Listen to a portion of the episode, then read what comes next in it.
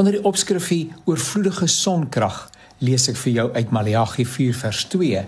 Maar vir julle wat my naam vrees, sal die son van geregtigheid opgaan en daar sal genesing onder sy vleuels wees en julle sal uittrek en huppel soos kalwers uit die stal. Energieverskaffing is 'n groot uitdaging in Suid-Afrika. Ons is al heel bekend met die metertjie op TV wat aandui dat die energieverskaffer nie kan bly by die aanvraag nie.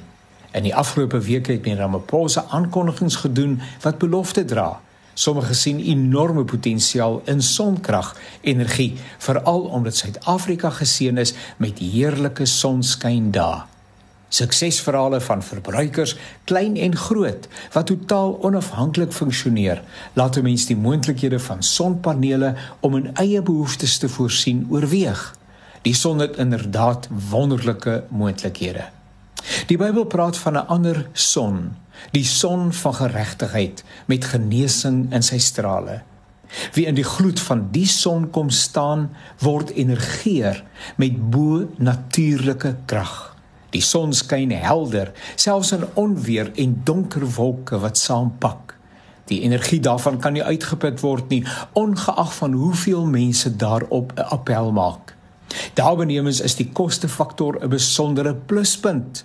Sonkrag in die natuurlike is 'n duur aangeleentheid en dit is enkelinge wat dit kan bekostig ten spyte van die voordele en belofte wat dit inhou.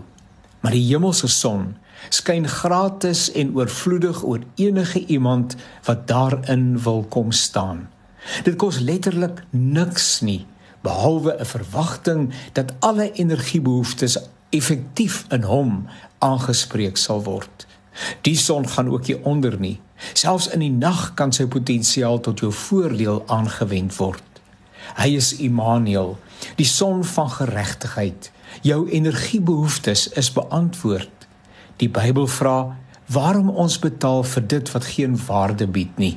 Kom, vra en ontvang alles wat hy beloof het in die geloof. Son van geregtigheid skyn ook oor my.